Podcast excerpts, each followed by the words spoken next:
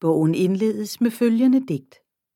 Venner, se, græsset grønnes, kulden bider, blæsten fejrer, sneen virvler, men græsset grønnes, og stor, stor er min grønne lykke. Venner, se, græsset grønnes, træt min fod, hårløs min skalle, tandløs min mund, sløret mit blik. Snart farer jeg heden, men mit hjerte blomstrer, og dyb, dyb er i aften min grønne lykke. Lin P.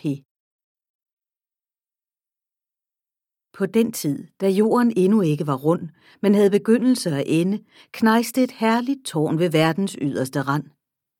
Om dagen sejlede et uophørligt tog af skyer langsomt forbi, ude i afgrunden under solens øje.